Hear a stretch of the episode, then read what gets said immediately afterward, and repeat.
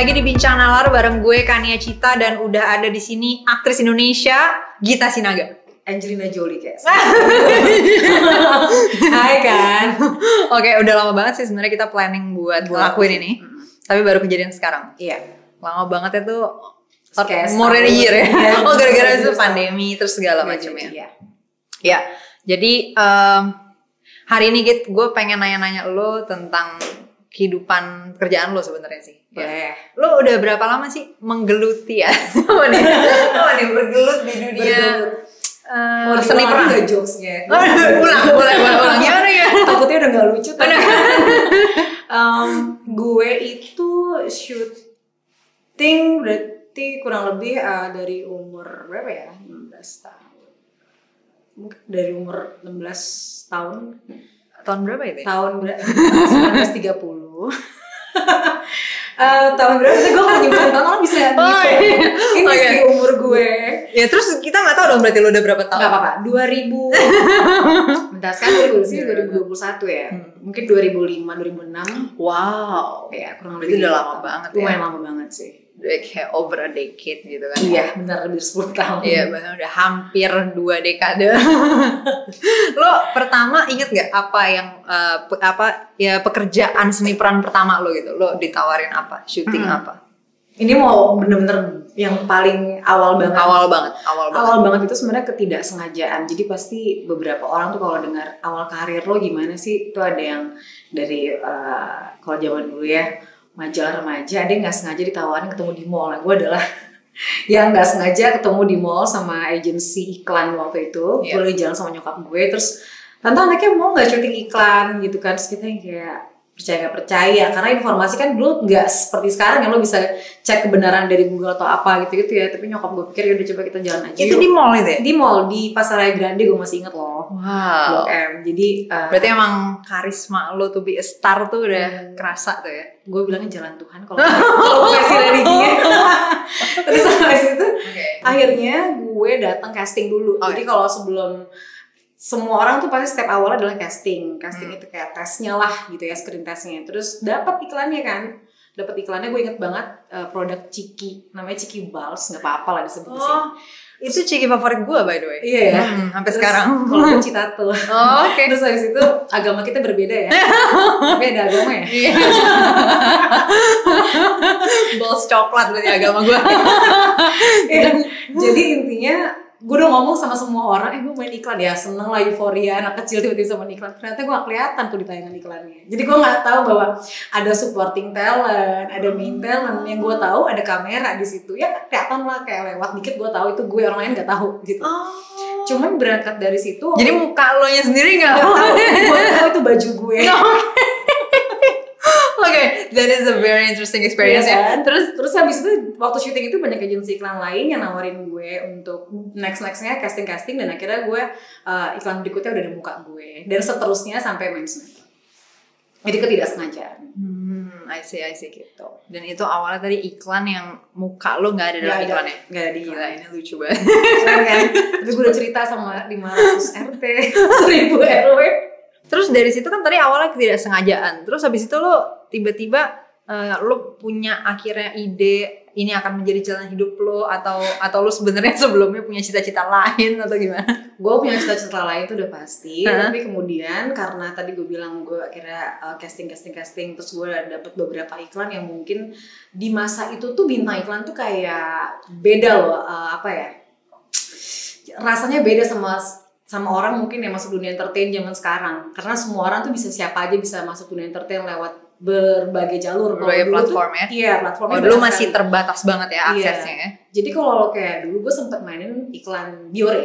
Jadi kalau orang main iklan Biore itu seolah kita rasa kayak lu cewek paling lucu atau paling Iya, apa udah gitu. paling something lah ya. Nah, karena berdasar dari rasa itu terus gue ikutin terus sampai akhirnya gue pikir-pikir oh iya ya ternyata menghasilkan juga ya. Dan ya gue hanya hmm, mikir kenapa enggak sih sampai akhirnya gue syuting sinetron terus gue jatuh cinta sama dunia acting. Gitu sih. Jadi dari sepanjang karir lu itu kan udah cukup lama nih ya di sinetron FTV. Lo pasti udah sering denger lah ya komentar orang tentang sinetron dan Hmm. FTV. Eh, ketika lo membaca naskah ya, naskah sinetron atau naskah FTV gitu. lo pernah gak sih merasa kayak atau di kepala lo kayak tiba muncul pertanyaan what the fuck gitu what is this gitu. Lo pernah ngerasa gitu nggak suka deh pertanyaan gimana? Ini jawaban ini ya karena ada jadi bisa bermata dua loh. Oh gimana? Iya, gue. iya. lo enggak dong? Kan kan nggak semua kan nggak semua. Mungkin ada sinetron Iya, ini iya. ada ya. Tapi sejujurnya ya sih. Eh, bener sih. Sebenarnya awal gue baca skenario itu berubah banget sebenarnya dari tahun ke tahun zaman makin modern tapi justru cerita sinetron menurut gue pribadi dan gue tidak menunjuk ke pihak PH mana pun ya Iya. semakin ke sini justru semakin parah. Dulu oke dulu banyak banget cerita-cerita yang gue mainin gue suka dan menurut gue make sense bagus gitu. Maksudnya banyak ya muatan uh, value-nya lah apa segala macam. Ke sininya kok memang agak-agak aneh gitu ya. Hmm. sampai akhirnya gue pikir ini kan udah masuk ke industri nih sinetron tuh industri yang gue lakukan pun kan ada tujuannya kalau Hmm. dulu mungkin gue ada sisi idealismenya kalau sekarang gue pikir tujuan gue ya cari uang gitu Hmm, hmm. Uh, jadi ketika kita gue ya berpikir ketika gue nyari uang tujuan gue cari uang maka idealisme yang gue anggap itu harus gue gugurkan karena uh, nanti akan bertabrakan Hmm. gitu kan Hmm. kalau dibilang isi cerita skenario memang banyak yang uh, seperti anggapan lo. Iya.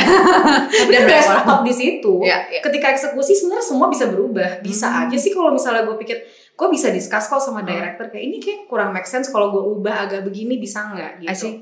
Nah akhirnya gue pikir ya dulu gue banyak banget uh, reject beberapa kerjaan yang menurut gue nggak oke apa segala macam. Hmm. Kenapa sih judulnya gini? Judul aja deh dulu Iya. istriku ketemu Oh, suamiku iya. kemudian menikahi tanteku ya Iya, judulnya lo tahu apa kan, terus misalnya gitu tapi akhirnya gue berpikir hal lain sih Iya. bahwa sebuah produk itu kan dijual packagingnya menyesuaikan target pasarnya Iya. yang mungkin mereka gue nggak tahu mereka mungkin sudah tahu target pasar mereka siapa dan mereka pasti udah coba beberapa formula sampai ketemu formula ini yang mungkin paling bisa ketangkep sama tujuan pasarnya jadi ya udah gitu sampai di situ jadi lo nggak kita nggak bisa sa- gue tidak bisa memaksakan bahwa dapet cerita tuh harus yang bagus kalau namanya udah kondisi udah TV itu menurut pandangan gue Berarti dari situ setelah lo melihat itu intinya sebenarnya market driven lah ya. Intinya mengikuti itu marketnya ya, bagaimana oke, ya iya. nggak sih? Ya maksudnya Iya, berorientasi lebih pada gitu. si marketnya gitu kan si pasarnya. Yes. Nah. Eh, dan setelah lo sampai ke titik itu tadi berarti setelah setelahnya lo udah mulai nggak memfilter berdasarkan eh, kerangka pikir lo sendiri gitu mas. Eh, iya acceptance Jadi, jatuhnya Lo menerima oh, aja. marketnya maunya gini gitu. karena gini ya eh, TV itu sekarang aja udah mulai tergerus nih Hmm. sama digital berapa banyak sih sebenarnya sinetron yang ada di TV kita pemain juga sekarang banyak banget dulu mungkin pemain bisa di misalnya 20 orang gitu ya sekarang mungkin bisa 100 orang gitu terpecah lagi nih dari usia. Jadi eh, lingkup gue udah tidak sebesar itu lagi maka kalau gue masih memilih dalam Hmm, peta kecil lebih ini kecil ya, gitu ya, lo pilih aja kerjaan lain mungkin gitu harusnya. Sehingga ya menurut gue ya menerima aja sama kondisi yang sekarang. Tapi kembali gue bilang dalam eksekusinya banyak kok yang bisa kita lakuin supaya tidak terasa se-cheesy Hmm, skripnya misalnya. Scriptnya. Oh, jadi sebenarnya lo juga punya ruang ya untuk eh, mengoreksi, mengimprove sedikit gitu ya script lo gitu ya. bisa kok gue tuh nggak pernah on script bahkan gue nggak bisa kalau lo ketiplek kalau nggak bisa gue Oke, eh, sedikit off topic lo pernah nonton series Friends nggak? nggak segitu nontonnya Oh, kayak ya basically di series itu ada tokoh yang merupakan aktor namanya si Joey Tribbiani. Terus gara-gara lo ngomong gini gue jadi inget dia pernah di cut dari suatu series ceritanya di series itu. Gara-gara dia improve-nya kebanyakan. oh iya. Jadi jadi skripnya jadi skripnya gini tuh ke sana. Iya si si Joey itu ceritanya improve terus suatu ketika di interview sama media. Kayak lo kemarin ngomong gini emang skripnya kayak gitu? Gitu. Terus katanya oh enggak. Eh, writernya tuh kurang bagus ya gimana? Jadi gue ganti nih skripnya gini gini gitu. Dia ngomong gitu di media. Tapi emang ini tuh seriesnya eh, komedi. Iya tahu iya gue. tahu. Kan oh lo tahu? Tahu dong friends jadi sebenarnya gue kalau improve itu bukan berarti skripnya jelek. Hmm. tapi gue lebih suka eh, kalimat yang menurut gue lebih leluasa gue gunakan sih. Iya iya. Gitu loh. Jadi Hmm. improve itu bukan kayak oh ini skripnya nggak terus bagus diganti Nggak gitu. dan maksudnya improve improve yang terjadi di di set itu bukan hanya dari sisi dialog kok banyak hal. Kadang juga scene-nya adegannya supaya Gestur lebih bagus atau- lagi. Karena kan tujuannya supaya lebih baik gitu. Hmm, hmm, hmm. Ya yang penting lo gak sejalan sama Joey berarti maksud lo ya? Iya, gue jadi inget itu. iya. Oke, em, tentang pasar yang lo ngelihatnya kalau dari lo tadi mungkin agak bergeser gitu lo ngelihatnya karena kok semakin ke sini semakin kesono gitu ya maksudnya kualitasnya. Lo punya tebakan gak sih? Apa yang terjadi um, di antara you know, beberapa tahun ini sehingga itu bisa terjadi. Tebakan gue itu karena memang penonton TV dulu itu mungkin segala kalangan. Hmm. jadi disediakan juga eh, tayangan-tayangan yang tujuannya misalnya untuk umur sekian sekian anak-anak atau apa. Sekarang kan rata-rata orang nonton TV itu mungkin yang bener-bener di rumah aja gitu loh yang maksudnya kayak ibu rumah tangga atau siapa. Karena mostly orang udah pindah platform dari TV tuh ke sekarang banyak ya TV streaming segala macam mungkin Hmm. karena itu jadi disesuaikan ke persentase terbesar yang masih ada di depan TV mungkin ini kalau tebakan gue. Iya. gitu. Menarik banget sih tebakan lo. Gue gue punya tebakan yang sebenarnya rada-rada sejalan tapi eh, variabelnya bukan profesi. Tadi kan kalau lo misalnya bukan profesi sih maksudnya pembedanya misalnya apakah yang nonton itu ibu rumah tangga atau apakah Iya. yang nonton itu orang-orang di rumah atau anak-anak juga gitu misalnya nah tapi menurut gue pembedanya bukan itu tapi pembedanya adalah em, kelas ya gue sudah memperhalus sih maksud gue tapi berarti pembedanya bukan karena dia ibu rumah tangga atau dia anak kecil ngerti gak sih lo iya sih Nah. tahu untuk lo bisa mengakses TV lo perlu berada pada posisi apa sih Mm-mm. biasanya lebih pendidikan Ya. kemudian ya profesinya juga lebih berpengaruh di masyarakat segala macam lah intinya secara eh, kualitas hidup juga akan lebih tinggi gitu Iya. dari rata-rata orang dan sehingga dia kebutuhan akan entertainmentnya juga ya lebih tinggi tentunya Yes. level kualitasnya gitu nah semakin lama TV bisa diakses oleh semua, Semua orang. Hmm. nah terus yang ya top one persen ini ke mana gitu kan ya ke yang lain yang lebih elit lagi gitu kan, Iya. yang lebih premium lagi which is yang lo bilang kayak oke sekarang ada streaming TV gini-gini streaming, ya. Uh, so that's why uh, basically itu cukup menjelaskan sih menurut gue kenapa harus kenapa terjadi gitu. kesono? Yes. ya kenapa kualitasnya jadi kesono? Iya. ya things like that. Ya lo juga dan gue ngerasa ya gue pekerja yang mencari uang gue nggak masalah ditonton sama siapa pun penikmatnya sih. Lo punya ini gak sih? Maksudnya tadi kan lo dari cerita lo ini kayak lo sebagai pemain uh, sinetron atau FTV atau mungkin film juga? Film belum sih. Belum ya? Oke berarti sinetron atau FTV lo uh, kerja sebagai aktris di situ and then lo ikutin nih ceritanya apa atau skripnya apa gitu. In, in this process lo pernah gak sih kepikiran kayak uh, lo pengen punya cerita lo sendiri gitu? Kayak mungkin lo jadi penulis atau ya or, or anything gue itu kebetulan emang suka nulis dari dulu apa pun. Pernah punya skrip dan gue kalau tanya bayangan ada banget gitu. Oh jadi lo tuh suka nulis suka sekali nulis. Spesifik nulis naskah gitu? Pernah banget. Bahkan gue dulu pernah ikut short course yang dibikin sama salah satu director FTV gue Hmm. penulisan directing gitu ya. Dia Hmm. bikin kelas kayak tiga bulan itu gue ikut karena gue suka banget nulis gitu. Hmm. Uh, kadang bener kayak lo bilang ketika kita memainkan lama-lama kita kepikiran kayak kalau ceritanya kayak gini gitu kan patternnya kita Iya, tahu nih. kayak kan nggak gini. beragam gitu. hmm, kayak bagusan gini. Berapa kali gue nulis gitu sampai pernah sih ada niatan untuk menawarkan. Tapi pernah ada kekecewaan. Jadi gue tawarkan ide ceritanya kemudian gak diambil tapi tayangannya ada gitu. Sehingga eh, meskipun gak serupa banget sih Hmm. tapi gue ada lah ya part-part yang oh, itu ide gue itu gitu ya. Ide besarnya gue. Eh maksudnya cerita itu gitu. I see. Jadi dari situ gue eh, dalam pikiran ada tapi gue nggak tulis lagi sih. Um, gue sering ngeliat di sosial media ya adegan dari sinetron itu kemudian jadi ya memes atau bahan ketawa. iya. And sometimes there was your face mungkin ya there. gue pengen tahu gini karena you are a human being and then you can feel things. Hmm. Gue pengen tahu lu ngerasa terserang atau apa gak sih ketika lu ngeliat di media sosial tiba-tiba ada meme sinetron yang itunya tuh kebetulan lo gitu pemerannya. enggak sih Enggak ya? Karena menurut gue good news, bad news kan it's a news ya. Jadi mau itu apa ya udah lah ya. Atau memang itu bagian dari sinetron Iya. gue. Justru kadang lucunya gue ngelihat kalau ada memes yang keluar itu mendongkrak loh Iya. uh, awareness orang terhadap sinetron yang gue lagi mainin. Gitu. Iya, Jadi betul, ya betul. wes lah gitu. Justru gak apa-apa ya. Nggak Tapi apa-apa. dan juga kan emang sebenarnya yang diketawain juga kan bukan lo nya gitu kan sebenarnya. tapi Cuman adalah- kebetulan ada lo nya di situ. gue adalah objek. Iya, makanya makanya gue nanya ya, do you feel anything? Mungkin lo ngerasa attack oke. Santai gue. Oke, that's great ya. Jadi lo nanti kalau misalnya ada memes, ada gitanya nggak masalah ya dia. Justru gue pengguna stiker gue sendiri kayak Oh. nangis. oh yang nangis ya. ya udah lah gitu. Gak masalah. Oke, lo totalnya selama ini udah main berapa berapa sinetron dan berapa FTV inget ya? Gak inget kan kalau karena reguler ya FTV. Jadi banyak banget lah ya.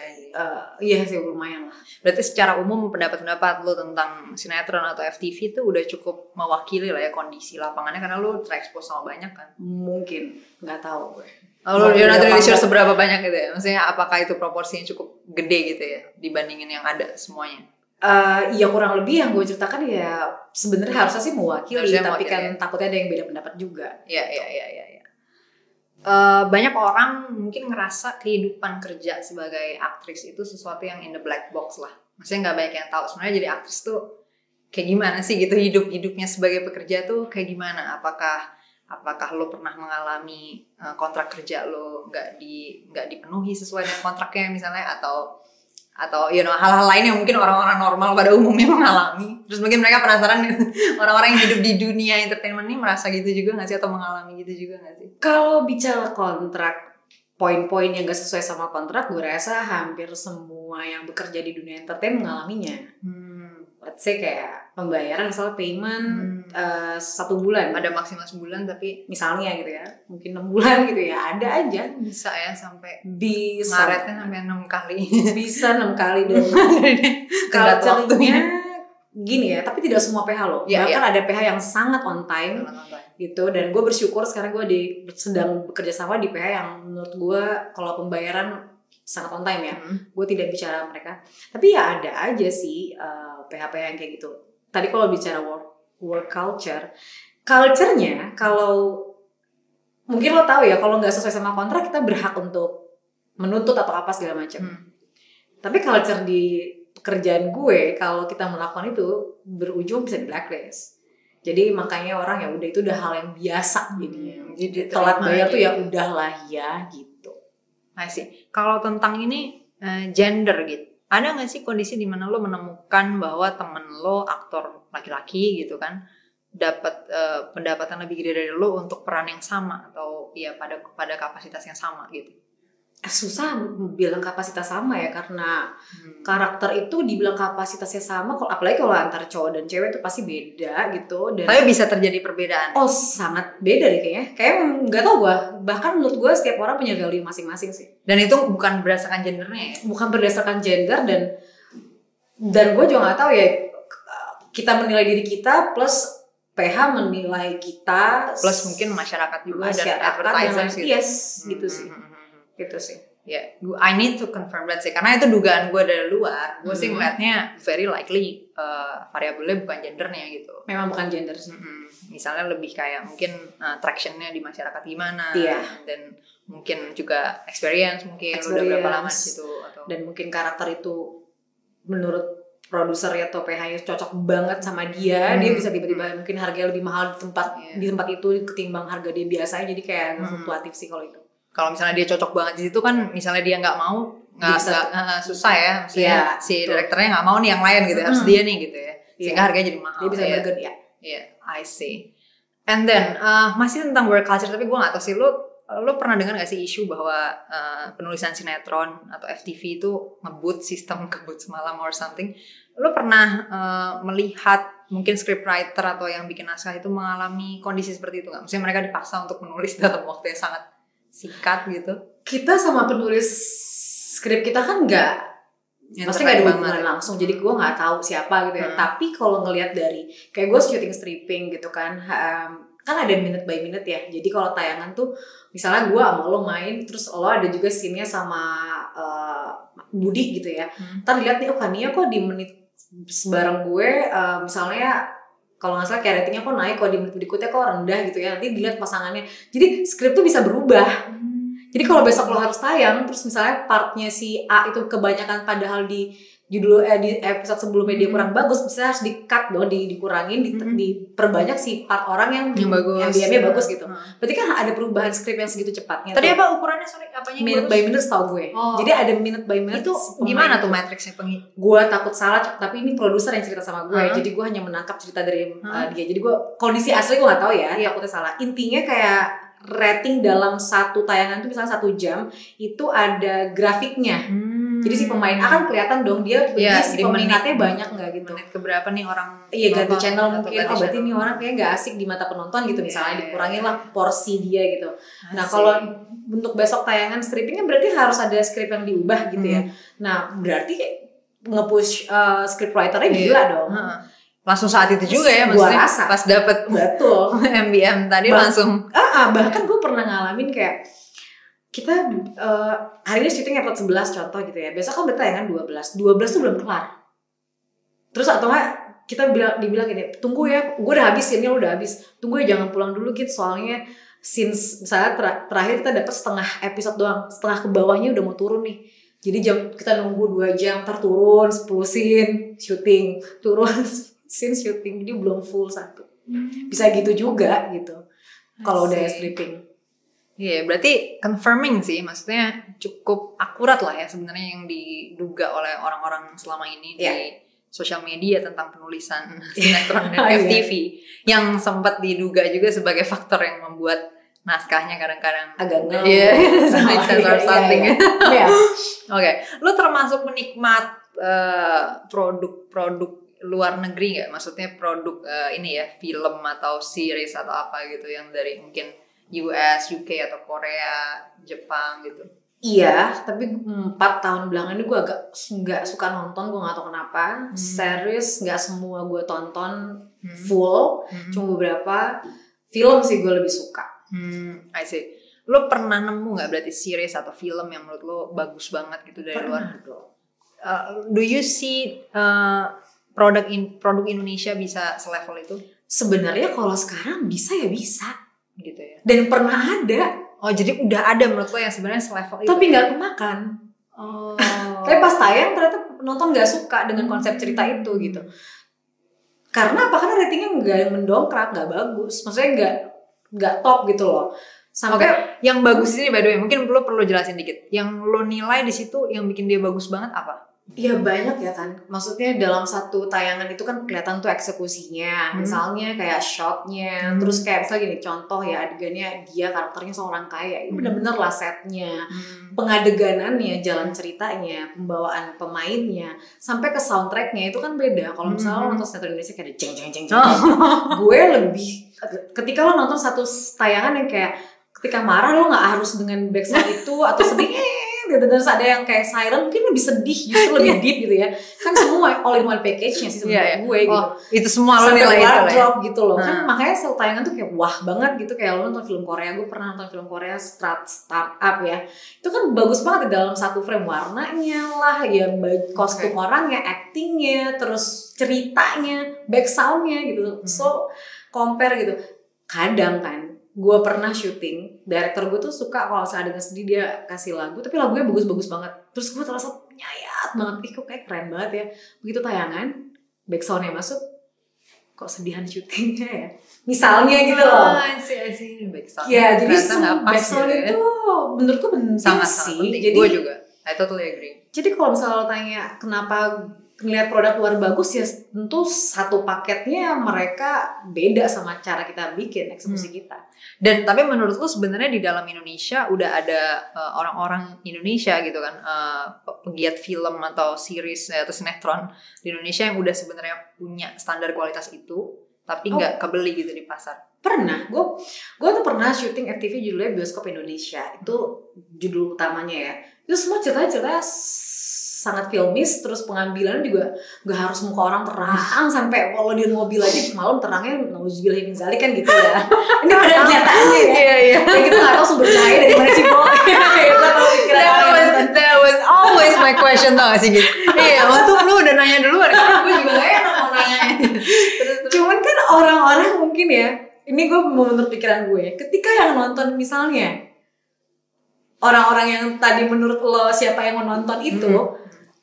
Ah gelap banget nih TV gue misalnya, kok nggak mungkin memanjakan mata mereka Oh. enak melihatnya itu selalu terang gitu. Jadi ya. harus makanya asal terang gambar Oke. gitu kan. Nah, Oke. jadi dulu ada bioskop Indonesia Trans TV yang nggak harus cahaya terang, menyesuaikan banget yang polanya bagus Oh, jadi sinematografinya sinematografinya oke bagus. ya? Cuman ya nggak panjang gitu. Dan sinetron-sinetron juga banyak dulu yang bikin series um, bagus tapi ya memang mungkin belum kemakan aja sih. Jadi emang basically uh, yang lo anggap bagus dan actually uh, some of it gue bisa setuju I think ya itu emang nggak sama lah ya dengan selera bagusnya uh, pasar dominan ya hari Iya, ini. yang mungkin. bukan pasar dominan sih sebenarnya pasar yang akan membeli itu sebenarnya ya, yang Iya. lebih tepat ya Iya. jadi misalnya mungkin nih misalnya nih 80% orang Indonesia misalnya seleranya kayak gue atau kayak kita bisa aja tetap itu nggak menjadi pasar dominannya kalau mereka bukan mengakses produk itu kan Yes. misalnya mereka bukan penonton sinetron ya it doesn't Betul. matter gitu walaupun lu 80% populasi gitu Iya, ya betul. jadi kalau yang dihitung itu yang mengakses itu. Iya. Atau gue pernah punya pikiran gini, Hmm. seluruh TV menyajikan yang mereka mau. Hmm. Contoh, semua channel, semua station, semua PH mengikuti uh, selera mereka. Misal selera mereka sama kayak 80% yang menurut lo tadi. Hmm. Otomatis yang kecil ini sajiannya cuma itu. Suka nggak suka dia akan menonton itu. Bener gak sih? Hmm, iya Tapi sih kan nggak mungkin gitu. serentak gitu kan. Iya nggak mungkin Iya. serentak itu dan ya di biasanya tetap aja akhirnya ada satu atau berapa Iya, yang akhirnya ke sana akhirnya akhirnya compete lagi terus Yes. yang ini ngelihatnya trennya masih di sana gitu Yes, jadi nggak bisa balik lagi lagi semua, Iya, iya. akhirnya semua tetap keluar lagi nggak mengakses itu lagi gitu kan ya jujur aja kalau gue sih di bagian itunya kayak gue ngeliat cukup impossible ya Maksudnya untuk hal itu terjadi Betul. dan Tapi nggak mungkin kan sih. Iya maksudnya kayak jadi Iya, harus dibiarkan aja harus dibiarkan aja udah pasarnya ini emang udah di sini Iya, dan betul. yang ini udah pindah gitu kan Iya. sederhananya kan. Biarkan jadi pilihan aja kan. Tapi lo uh, main juga gak sih di maksudnya di uh, platform streaming gitu maksudnya fi- film atau sinetron atau series atau apa di ada satu ada per, Tempat uh, lain satu TV. uh, di TV streaming ada satu judul gue tapi gue di mana aja sih ketika Hmm, ada hmm. yang cocok. Di situ lo ngerasa ada perbedaan nggak? Maksudnya ketika lo bikin ya oh iya dong. produk di situ sama di TV gitu? Iya bahkan equipmentnya aja beda gitu loh. Lebih premium gitu?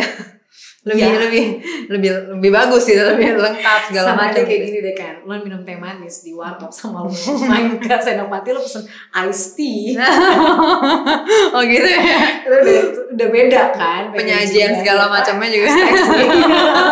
oh begitu juga dengan tadi yang lo kerjain itu apa series atau? Eh, sebenarnya waktu itu kayak buat FTV-nya, cuman akhirnya mereka pecah jadi 8 episode di Netflix. Seingat gue gitu. I see. Berarti mini series lah ya? Mini series. oke. Eh, well mungkin lo punya eh, pesan ya untuk orang-orang yang nonton ini yang mungkin kepikiran kayak gini. Eh, basically gue orang Indonesia tapi gue nggak pernah nih nonton film atau series atau sinetron. Terutama mungkin sinetron dan FTV Indonesia karena kayak it just sucks gitu. Misalnya mereka mikir gitu. But then I wanna do some change gitu. Gue mau bikin perubahan di sini lu menyarankan mereka untuk ngapain? Mendingan mereka jadi sutradara atau mereka justru bikin mungkin YouTube channel atau apa menurut lu gitu? Kalau lu ngeliat dari peta industri hari ini Agak susah. agak susah ya. Harusnya mereka menjadi penonton dan menjadi produser. Jadi semuanya gitu. Karena semua kayak berkaitan kan. oh gitu ya. Percuma mereka jadi produser. Misalnya niatan awalnya gue nih misalnya penonton gue pengen banget deh ngeru- ngerubah apa eh, pola cerita sinetron Indonesia. Hmm. gue ntar kalau udah kerja gue pengen deh jadi produser TV ketika dia masuk dia baru tahu. Dan dia akan tetap ngikutin culture yang ada. Akhirnya balik gue, lagi ya. Harusnya penontonnya uh, juga berubah. oh iya gimana cara itu mungkin gak sih well actually ya itu sih apa yang gue perjuangin sih gitu sebenarnya justru menurut gue that's why menurut gue shortcutnya adalah semua TV mengubah cara mereka menyajikannya secara berbarengan ya Jadi ini udah masakannya ini, lo suka nggak suka makan gitu loh. Karena nggak mungkin lo berubah penonton. Jumlahnya kayak lebih banyak. Iya lebih sih? banyak mungkin tapi pasti lebih lama prosesnya karena lebih Iya. banyak yang harus eh, diubah dan emang pernah ya eh, channel TV ada yang berusaha ya Oh iya dan sesuatu tidak yang berbeda tidak. akhirnya sekarang harus menjadi contoh bahwa nggak sukses. ya akhirnya menambah pesimisme manusia-manusia yang ada ya terutama Padahal- generasi baru Padahal gue rasa banyak faktor lah, bukan karena itu kali ya. iya karena gue juga mikir sih kayak mungkin eh, eksperimennya belum dengan cerita yang tepat mungkin kayak ya di level kualitas segini kan pasti ada banyak jenis ya Betul. Nah, kita misalnya mau upgrade dari sini, oke mau ke sini. Tapi kan di sini pilihannya ada banyak nih. Mungkin Iya. yang dicobain baru yang ini gitu misalnya. Belum pilihan variabel yang lain lah. Iya, tapi yes. ongkosnya gede banget aja untuk mencoba. Nah, Kalau lu mau nyoba ini ini ini, deh. Yes. ongkosnya banyak, Yes. rugi doang lagi. Doang akhirnya, bener sih. Iklannya nggak terjadi. makanya gue bilang udahlah ini kan industri ya jadi lo tu- tujuannya apa cuan ya udah lakukan aja gitu Oke. Eh, ada any eh, terakhir closing statement atau I don't know mungkin pesan-pesan untuk eh, teman-teman yang mau jadi mungkin mau masuk ke dunia ini perfilman atau seni peran? um, gue nggak biasa Gak biasa. Ini motivasi ya? nonton aja sinetron gue Itu ya pesannya. Enggak, enggak. Tolong ditonton. no no no Nggak lu sekarang lagi di sinetron apa by the way? FTV gue reguler sih betulan Oh reguler di, Iya, di suara di Indosiar. Oh di Indonesia. Hmm, Oke. Gue nggak ada pesan apa apa, cuman gue mikir gini sih, uh, kita boleh ya antipati terhadap satu hal yang menurut kita nggak sesuai sama apa apa yang Selera kita kita selera kita, nah, tapi lo kita harus bagus. lihat lagi ke belakang bahwa setiap hal tuh dibuat produksi itu ada tujuannya. Hmm. Jadi kalau lo kadang-kadang kalau kita ngeliat tujuan ya lo baru memahami kenapa gitu. Sama aja kayak lo bilang ya, "Wah, iPhone nih bagus banget nih mahal nih" Hmm. gitu. Ngapain kalau gitu ada produk uh, handphone lain yang murah ya karena memang ada tujuannya. Ketika Hmm. kita tahu tujuannya apa, gue rasa sah sah aja. Itu kan varian dalam hidup kita gitu. Nggak semua yang suka apa yang lo suka gitu. Kasihlah orang lain juga makanan yang sesuai seperti apa yang mereka Apa makan. yang dia suka. Hmm. Iya. Gitu. Tapi dan eh, perlu dicatat juga tadi ya, Gita udah sempat bilang di awal bahwa lo nggak merasa terserang juga tapi kalau orang ada yang Enggak gue suka sih, karena gue suka banget nggak? Enggak gue santai sih. Oke. Santai itu. Ya, thank you buat yang udah nonton uh, Bincang Nalar hari ini bersama Gita Sinaga. Uh, sampai ketemu di episode selanjutnya. Jangan lupa di-share video ini mungkin terutama ke teman-teman lo yang jadi hatersnya sinetron. But bukan buat mengubah persepsi lo by the way karena tadi isinya konfirmasi doang terhadap apa yang udah di- gue memang gak bisa mengubah kalau diubah persepsinya nanti uh, tayangannya akan berubah Oh. juga. Jadi biarkan. biarkanlah mengalir ya. Ya. Ya. Oke, thank you sampai ketemu di episode selanjutnya.